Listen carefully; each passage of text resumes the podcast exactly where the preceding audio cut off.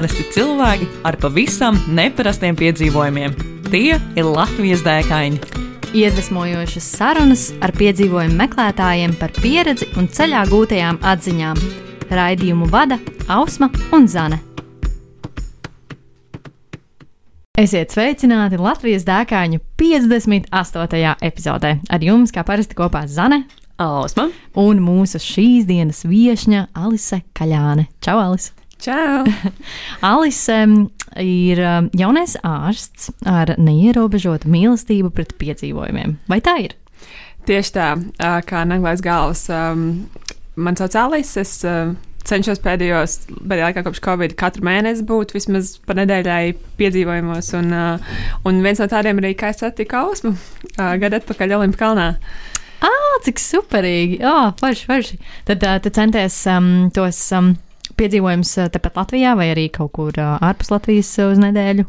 Jā, ļoti dažādi. Sākās ar Covid, kad nebija iespējas būt ārpus uh, valsts. Un, Mhm. un, um, bija iespējas ir vienmēr, bet, uh, bet nu, tas bija daudz sarežģītāk. Tajā laikā tie bija pār, piedzīvojumi, pārgājieni, pasākumi Latvijā. Kopš robežas ir vaļā, um, es cenšos saplānot savu darbu. Paldies, manai darba vietai, tā ka es uh, pāris dienas mēnesī esmu kaut kur tālāk. Tikko, piemēram, um, bijām ar riteņiem Igaunijā. Um, Skotijā pārgājienā, lielie kalni. Nu, vi- viss, vis, ko man um, šis laiks dod. Jā, es atceros, ka tā, tieši a, a, es piekrītu Alisai, jā, mēs tikāmies Olimpa kalnā kāpjot kopā. um, posmas piedzīvojumā, un, un es atceros, jā, jau tādā Alisai bija ļoti daudz dažādi stāsti no visām valstīm, kur tu esi bijusi. un Man liekas, vienkārši fenomenāli, ka tāda jauna meitene ar tik lielu un plašu piedzīvojumu pieredzi. Tāpēc uh, mums ir zani, tiešām būs uh, interesanti dzirdēt, kas tad būs tas uh, viens lielais piedzīvojums, par ko tu mums stāstīsi. Un tad, nu, tad uz šīs nots, tad uh, Alise, kas tad uh, tavuprāt ir lielākais piedzīvojums, kurā tu līdz šim esi bijusi? Nu, laikam jau jārunā par nesenu pagātni, jo tas viss spilgtākajā atmiņā, un, uh, un tas būtu Monblāna kāpiens šajā jūlijā, Mm. jūnijā, jūlijā. Uh, Lielas paldies Liepiņu pārim, kas uh, vadīja šo pasākumu. Uh, man nebija īpaši augstkalnu pieredze līdz šim. Un, nu, tas bija pietiekami izaicinoši, pietiekami negaidīti, ar visiem um, filmu sižeta pavērsieniem, laikapstākļiem, uh, pat, pat, pat nelielu kritienu, mm, bet nu, viss beidzās pietiekami labi. Uh, dinamiski, ļoti jautri un, un, un jā, Monblāns šis jūnijas. Um, Monblānā, cik es zinu, tu nevari vienkārši uzkāpt kā pārgājienā. Tev ir arī jābūt kādai, kādai kāp, kāp, kāpšanas pieredzei. Vai tā ir? Jā, tā tad tā doma ir tāda, ka daļa no posmiem ir jāiet, nu, lielākā daļa jāiet sasaitē. Ar domu, ja kāds iekrīt aiz, ne aizā, bet, bet plaisā, tad lai pārējie varētu viņu noturēt. Un, nu, tam vajag zināmu sagatavošanos. Tāpēc arī šis kāpēc nav tāds, ka tu aizlido, izkāp no lidmašīnas un nu, kāp augšā. Go for it, vai ne? Mhm. Uh, protams, ir cilvēki ar lielāku pieredzi, kas tieši tā arī dara, bet uh, mūsu grupa bija veidota uh, cilvēkiem ar zināmu fizisko sagatavotību, bet bez obligāti pieredzes. Un tad mums bija pārgā, treniņu pārgājieni, kur mūs sagatavoja. Francijā tieši. Jā, jā mēs, mēs jau aizlidojām, tikāmies galā. Un arī tā jocīgi, tur bija pieredze lidot uz Romu, Parīzi kaut kur, bet tagad tu, kā, tu, tu lido uz Ženēvu pilsētu, bet tu plāno, nu kā tu tur kalna galā ēdīsi savus rīkstiņus. ja? nu tā, tad bija pār, tā sagatavošanās, un tad bija pats, eh, pats, pats kāpiens, jā, kas patiesībā nebija tik garš, bet eh, nu, ar, arī šī, šī pieredze gūšana pirmo reizi uz ledāja, pirmo reizi uz ledus, eh, teiksim, saucamās koškas, pēkšņi aizmirst pareizo terminoloģiju. Um, bija viss darbs ar virvēm, kaut kādi mēsli, ko tu pirmo reizi redzēji. Tas, tas bija tieši tā, pirmo reizi tam ir sava garša. Cik ilgs uh, laiks tev pagāja no tā brīža, kad tu iekāpi lidmašīnā un uh, biji jau gatava principā doties uh, Monblāna virsotnē? Nu, tas ir relatīvi. Ir piemēram komercgrupas, kas kāpj pa šo, šo guķē maršrutu, ja nemaldos, kur cilvēki kāpj ļoti, ļoti ātri, ļoti mm. -hmm. maz aklimatizējušies. Mūsu uh, veda pa nekā, trīs, trīs to virsotņu korīti uh, midī maršrutu. Un, uh, principā bija tā, ja nemaldos, es, varu kādai dienai kļūdīties, bet bija jākāp man šķiet sastajā dienā. Bija pirmā diena pa klintīm, tad bija otrā diena pa ledāju, tad man šķiet bija vai atpūta vai, atkl vai, atpūt vai aklimatizācija. Tad bija divu dienu treniņu kāpnes, un tad vajadzēja kā, nu, būt visas iespējas doties augšā. Mhm. Bet laikapstākļi nebija labvēlīgi, tā mums bija vēl divas papildus dienas pa vidu. Un bija jāpieņem liels lēmums, vai mēs kāpjam ar risku un kāpt lejā pašā, pašā pēdējā dienā, kad mums jālido prom. Mm. Um, Tas vienmēr, man liekas, ir tāds izaicinājums. Jā, un, un Kristaps bija kāpis šos, uh, šo, šo maršrutu gadus, baidos samot 15, 20, nu ļoti daudz. Un vienmēr tas bija tāds teorētisks scenārijs, ka, nu, pētēt biļets vakarā, ja nu, ja nu kas, bet šoreiz viņš piepildījās. Un atpakaļceļš bija tikpat dramatisks, jo um, lidostā bija domājams ielikt bumbu. Wow! Un, um, nu, tur tur tā, tu stāvi rindā, tad visu lidmašīnu evakuē. Tad jūs atkal stāvat rindā. Tad uh, tev pasaka, ka lidmašīna noteikti nepacelsies. Tad tev pasaka, ka tagad, tagad tu, jūs, tu aiziet skrienam, skrienam, skrienam. um, Un tas viss ir pēc tā nereālā kāpiena lejā, ja tā kā Jā. tie pašā dienā.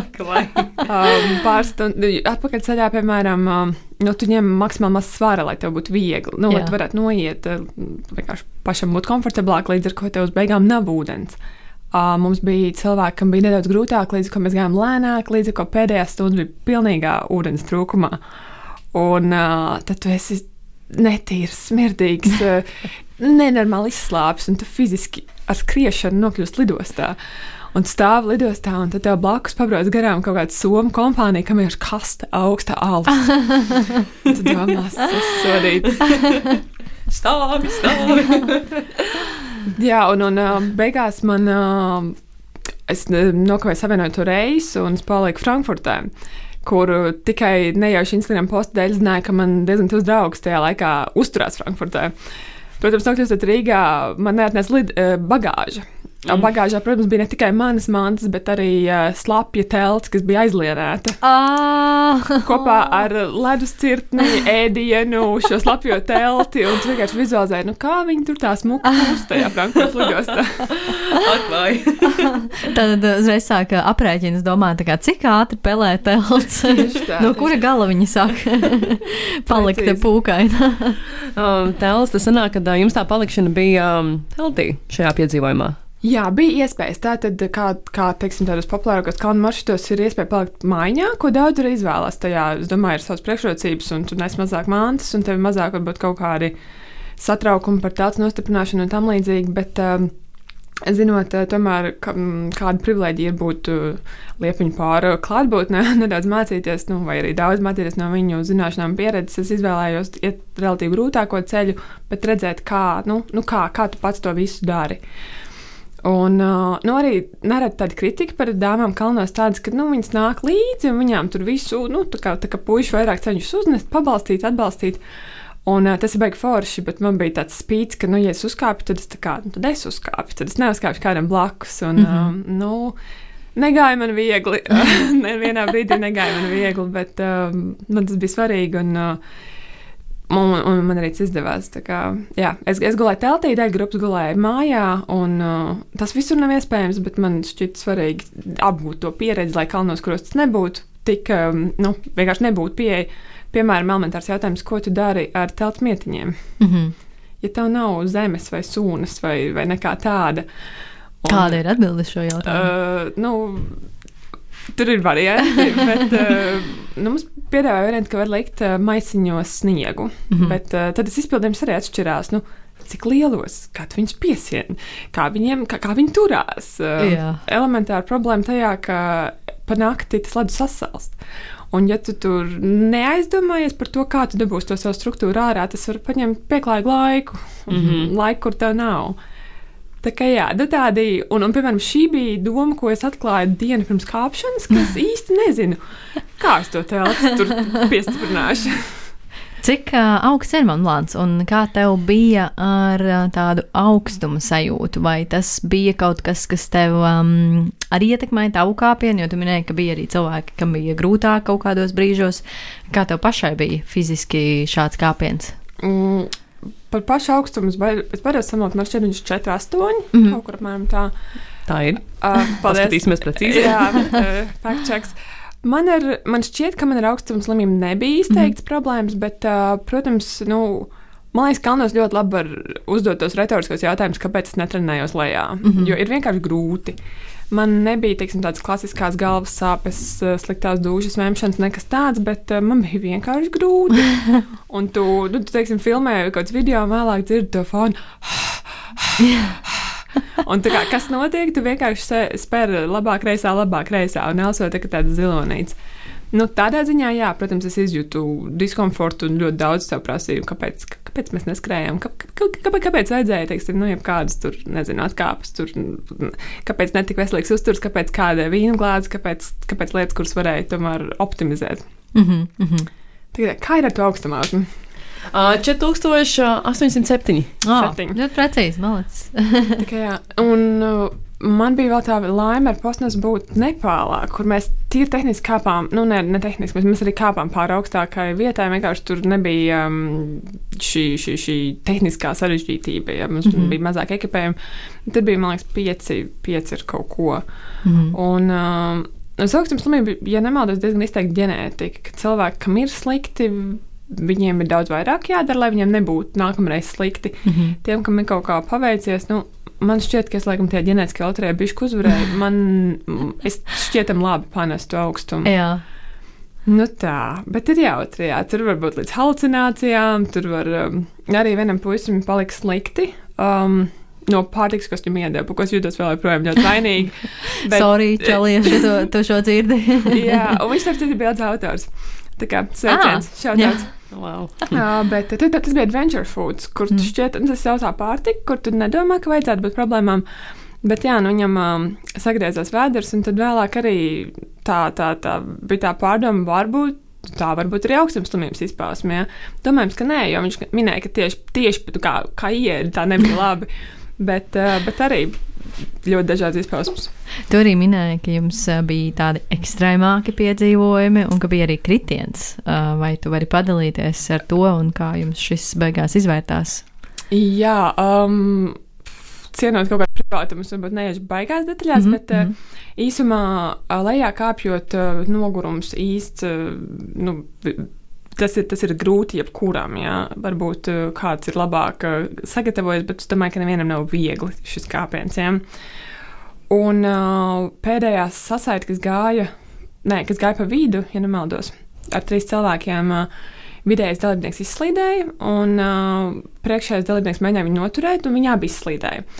Un tad nu, diezgan veiksmīgi trešais sasaites dalībnieks bija spējīgs viņus abus noturēt uz diezgan stāvus nogāzes. Wow. Uh, tajā brīdī uh, viņi sanāca. Kā es esmu pēdējais, tagad samalot. Um, nē, viņi gāja aiz mums, ja tā bija pēdējā sasaite. Uh, tad viņi noslīdēja mums blakus. Uh, Un mēs uh, tagad traversā piegājām klāt un, un uh, iedevu precāpju zāles, tajā brīdī neinterpretējot, vai kaut kas ir lausts, nav lausts, vienkārši jātiek lejā. Um, jā, un, un par laimi bez teiksim, kaut kādām nu, fiksētām, nezinu, tur, tur kaulu saišu bojājumiem, mm -hmm. vienkārši sasitumi, nu, sastiepumi kaut kādi psiholoģiski noteikti arī ļoti Eh, ļoti tāda krāšņa atmiņa, un uh, viņiem arī līdz to gāja nedaudz lēnāk, varbūt nu, arī uz psiholoģiski pamatiem. Protams, jā, tad daudz saprot. uzmanīgāk, jā, jā, tā kā. Tā kā tā, un, uh, nu, nu krāšņi, man, man bija ļoti izteikti tā filmu sajūta, ka es esmu dzirdējis par šiem notikumiem, bet, kad viņus redzi, tu kā nesaproti, kā ar viņiem nu, reaģēt. Vai man ir jāpiedalās viņā, vai man jābūt mierīgam, vai man ir kaut kas jāsaka. Jo mm, tas tā teorētiski par to, ka kalnos var nu, krist un kaut kas var notikt, par to jau visu laiku runā treniņu procesā. Un tagad, nu, Te nu mēs esam. Reālā situācijā, man liekas, jebkurā tādā situācijā daudz grūtāk. Tad, kad teorētiski arī pirmajā palīdzībā, man liekas, tu teorētiski zini, kā mm -hmm. ir tur stabilā sānu guļa, piemēram. Ja? Jā. Bet cik cilvēki tagad uz ielas, kas tagad brauc, varētu izkāpt ārā un parādīt, kā tiešām ir šī sānu guļa, nu kāds cilvēks ir jānogulda? Es nevarētu. Es tiešām nevarētu, es atzīstos. Mm -hmm. Es savu pirmo palīdzību, diemžēl, izgāju pirms desmit gadiem, un es īstenībā plānoju to atkārtot. Bet uh, nu, tas ir tā, tā ir tāda lieta, ko tu pat uh, nu, teorētiski zinot, es domāju, pielietot ir uh, ārkārtīgi citādi.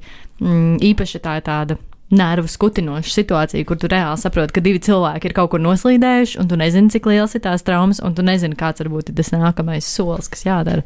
Bet tajā pašā laikā tev arī ir um, tā ārsta profesija, kas tev, tavai, tavai būtībai kaut kādā ziņā nāk līdzi. Kā bija tev?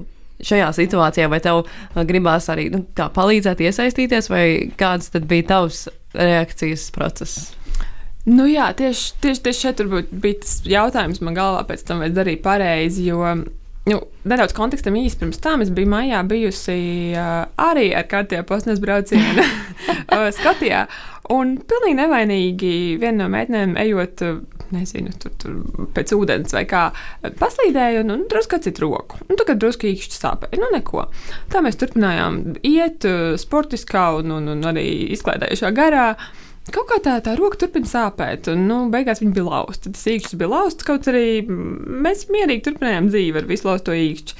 Pēc šīs pieredzes man ideja par to, ka augstas slodzes apstākļos traumu var nejust, bija, nu, es daudz par to domāju, ka tā varētu būt. Un tajā brīdī, kad, kad, kad kritušie ķēra sev pie plaukstām, bija, ah, reku vēl lausti pirksti. Mm. Kaut arī pamatojumu tam varbūt nebija. Nu, tas bija no tādas, varbūt, ietekmētas no savas ļoti nesenās pieredzes, un, uh, un joks jau kāds kalnā ir vējš, mēs esam uz nogāzes. No nogāzes nu, tāds diezgan stāvs. Neviens viņus nevar pacelt augšā. Mm -hmm. Viņiem jātiek kaut kādā plato zonā. Mm -hmm. Tā nu ar laustu, nelaustu, izmežģītu, jebkādu roku viņiem jātiek lejā.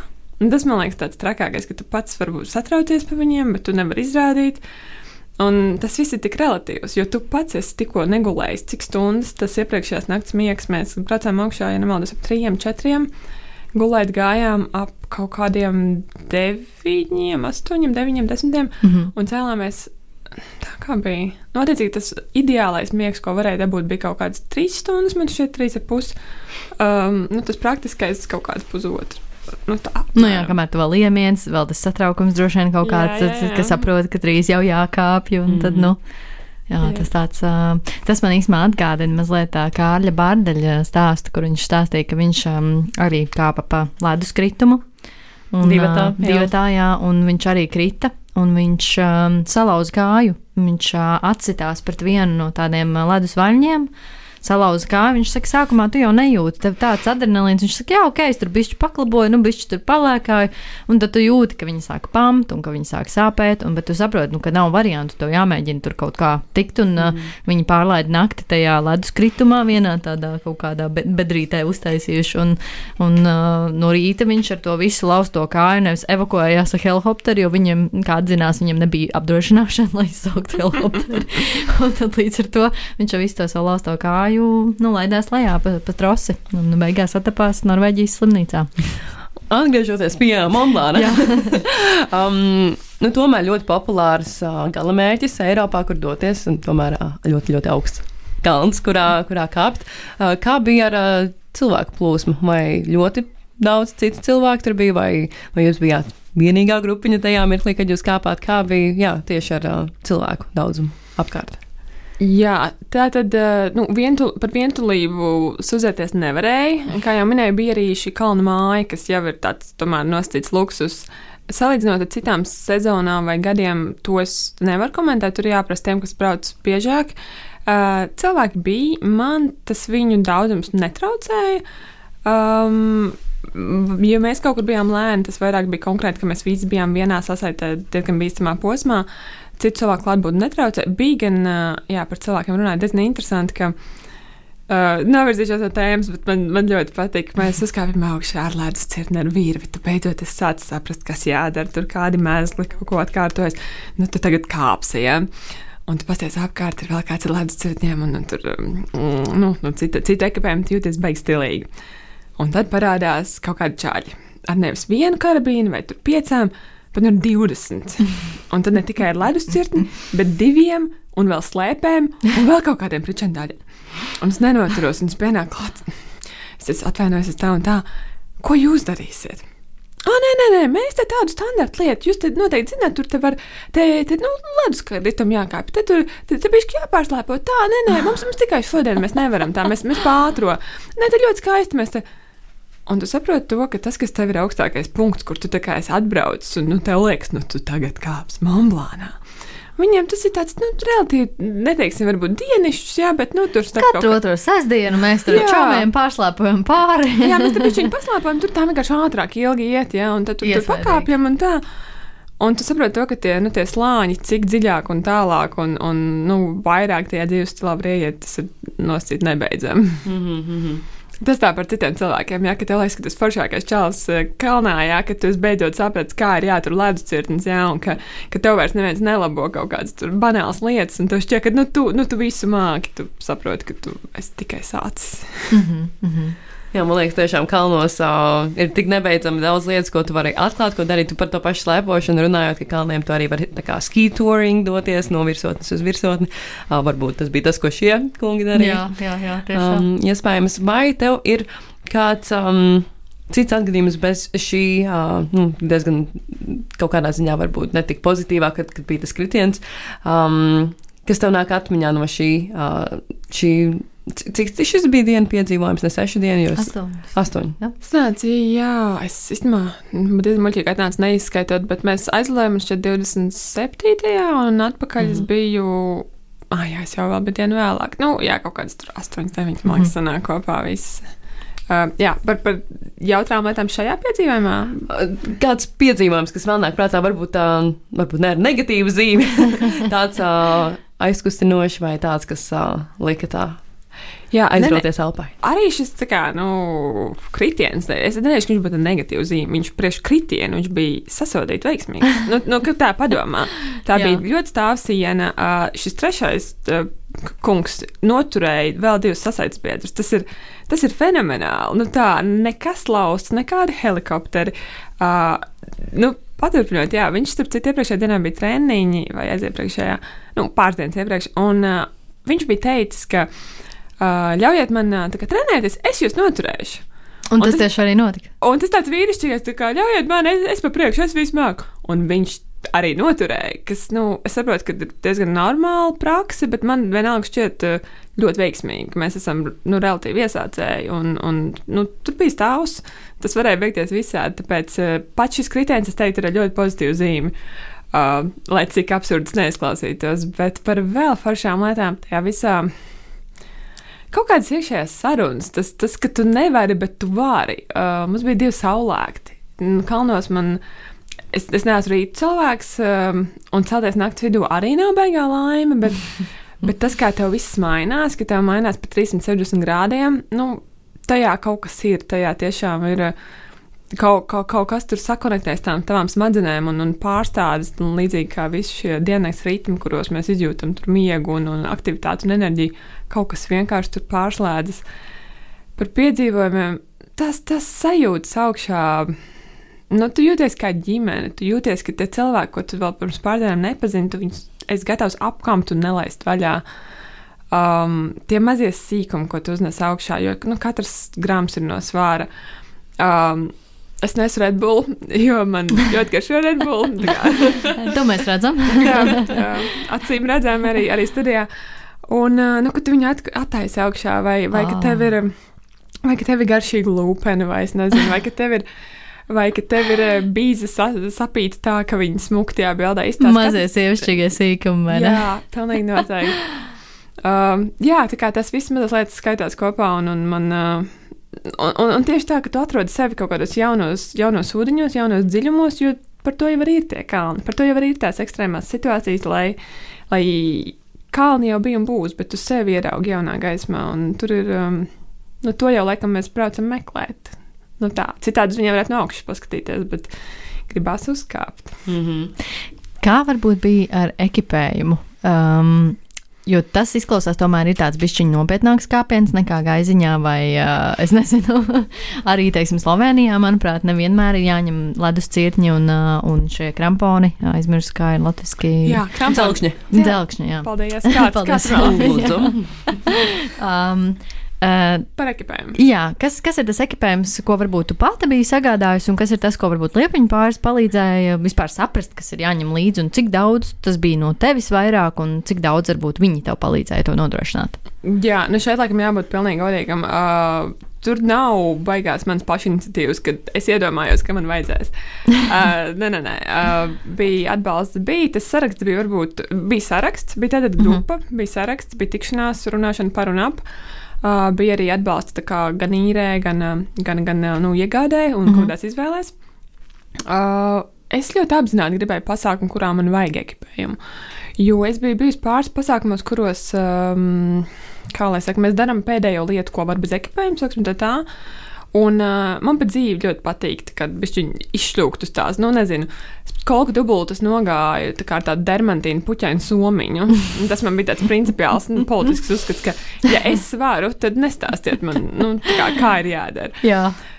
Um, tā kā jā, man bija plaša pieredze darīt lietas bez ekipējuma vai darīt lietas kaut kā tāda minimalistiska pieeja, tāpēc es gribēju to arī kā tādu bišķiņu lekciju, nu, kas tad, nu, ka, ka, kas ir šis, kur man viņu likt, kādam viņam jāizskatās. Uh, atbalsts bija liels, ko vajag, nu, uh, virves, piemēram, es nenopirku tajā, šajā, šajā pasākumā, šajā etapā. Uh, virvēs vesela pasaule, tur diametri, tur tādas, tādas dinamiskās, tur sausās. Var uh, būt trekking, kur, ne, trekking kursam, liekas, nemāca, bet Liepņiem būs kurs, kur viņi taisās izglītot sabiedrību, par ko es ļoti priecājos. Uh, Mugursoma pieredze man jau bija, zābaka pieredze man nebija, tāpēc, ka tur veiktos uh, dzelkšņus pielāgot. Tā kā mēs likām dzelkšņus pirmo reizi, mūsu skaistā grupa prasīja pusstundu. Man, man to skaitāja. Jā, kā kaut ko es mājās licis, bet tagad tas ir jādara un, un augsts. Un, un tur vējš un miegs un viss. Jā. Un tu jau tā aizēlsies. Jā, tev liekas, ka tu esi labā fiziskā formā, lai tu nonāc uz uh, ledāja ar ledus cirtni, un, un, un izrādās, ka tu neesi tik labā fiziskā formā. Bet uh, ir tātad zābaki, mugursoma, kārtas. No kārtām es biju noscīta ok, vienkārši bija kaut kas vēl jāpiepērk klāt. Gribu, jā, teiksim, nezinu, ja klausās cilvēki, kas nav nekad nekur gājuši un domā, vai ir vērts vai nav vērts kaut kur ieguldīt. Tā foršā lieta sporta drēbēm tāda, ka tu vari braukt piemēram, riteņbraucienā uz piecām dienām paņemt piecas kokvilnas maigas un mainīt, vai tu vari paņemt viens sintētikas. Un tavs uh, arāma līmenis būs ļoti līdzīgs.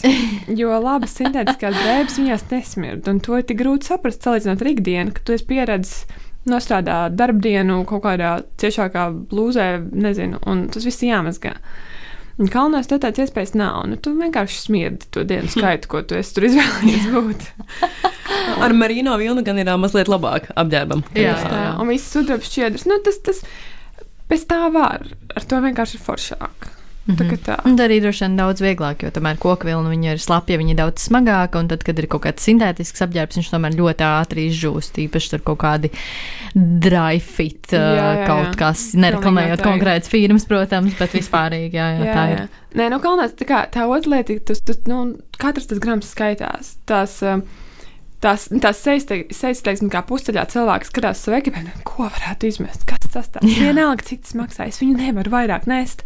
Uh, vai, vai ka kāds ir sapratis, ka to, nu, to pilnā tilpumu sauleskrēmu nu, nevajadzēja ņemt līdzi. Mm -hmm. Tad viņi var sākt piedāvāt citiem, skatīties, varbūt, varbūt nu, kaut kā tā var patērēt viņu uz to svāru, jā, tas ir vieglums, tas ir ātrums, tas ir tā, ir tā pilnīgi tā, tāda, tāda viscerālā cilvēka vēlme, nu, nu kaut no šito varētu, nu, kaut no viņš ir drusku vieglāks, bet nu, varbūt es viņu varu atstāt te. Varbūt man viņu vairs nevajag. Kuram šo izsolu? un, uh, un vēl var mazliet papildinot to praktisko pusi. Um, ļoti mīļš jautājums Zanai. Kā bija ar finansēm? Cik kopumā tev šis piedzīvojums uh, izmaksā finansiāli? Mm. Uh, jā, šis jautājums man nepatīk, tāpēc ka man viņš izmaksāja vairāk, kā viņam. Nu, Neteiksim, vajadzētu. Labi, īstenībā bija tā, ka es viņam gatavojos, man bija kaut kāda nauda nolikt balā un tā un tā, un tad es kaut ko biju domājis īrēt, kaut ko pirkt. Um, un tad uh, manos uh, vairs ne 16 um, sanāca netīšām uzspēlēt tēvam uz jūtām. Tu uz kalniem brauks, uz to Monblānu, kur mēs nekad neaizbraucam. Es saku, nu, jā, jā. Nu, labi, nu, tad jau dzimšanas dienas dāvana. Tā kā man drusku pasponsorēja, un mm. tas viss kopā manā gadījumā.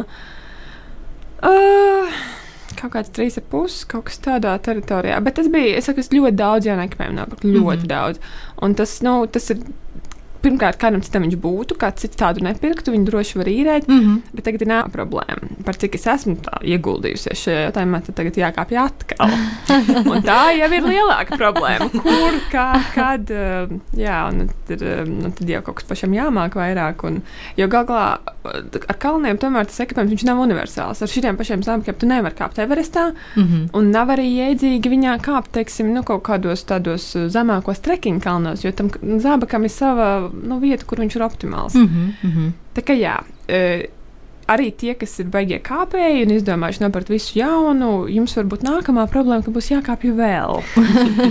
kas arī pat īstenībā diezgan forši, man liekas, jā, jā, ka var pēc tam izmēģināt. Jā, jā, ļoti labi problēma.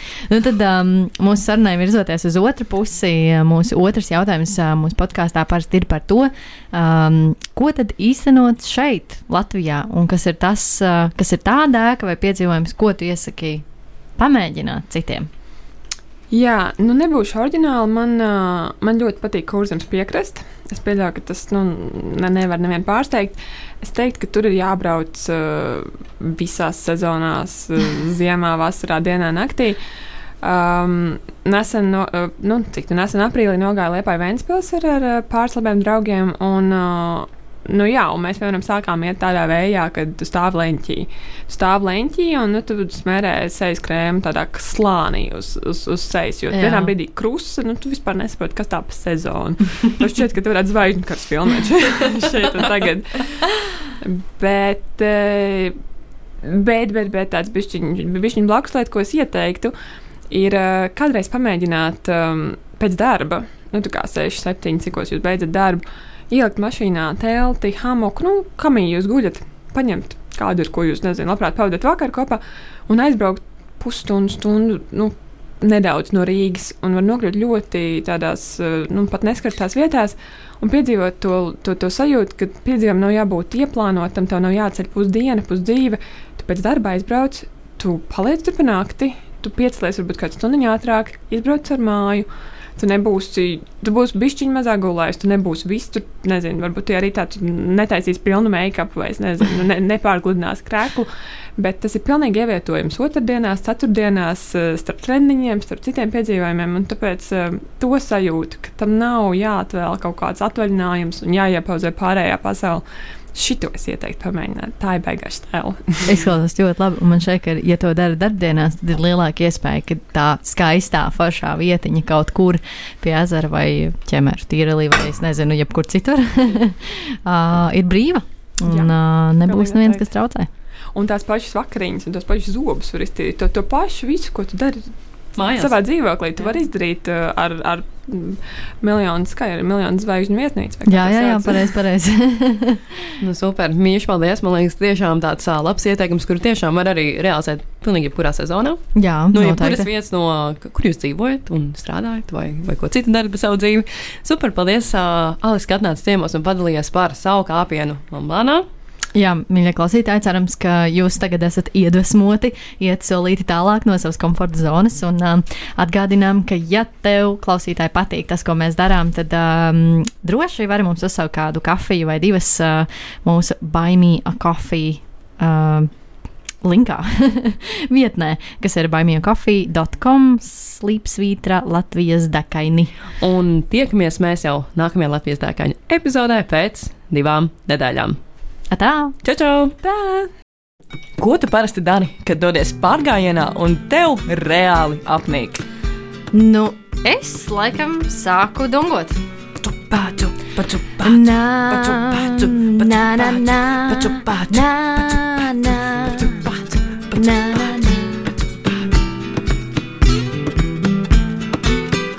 Iedvesmojošas sarunas ar piedzīvojumu meklētājiem, viņu pieredzi un ceļā gūtajām atziņām katru otro trešdienu, pulkstens 11. Radio Nabaviļņos. Raidījumu vada Ausma un Zana.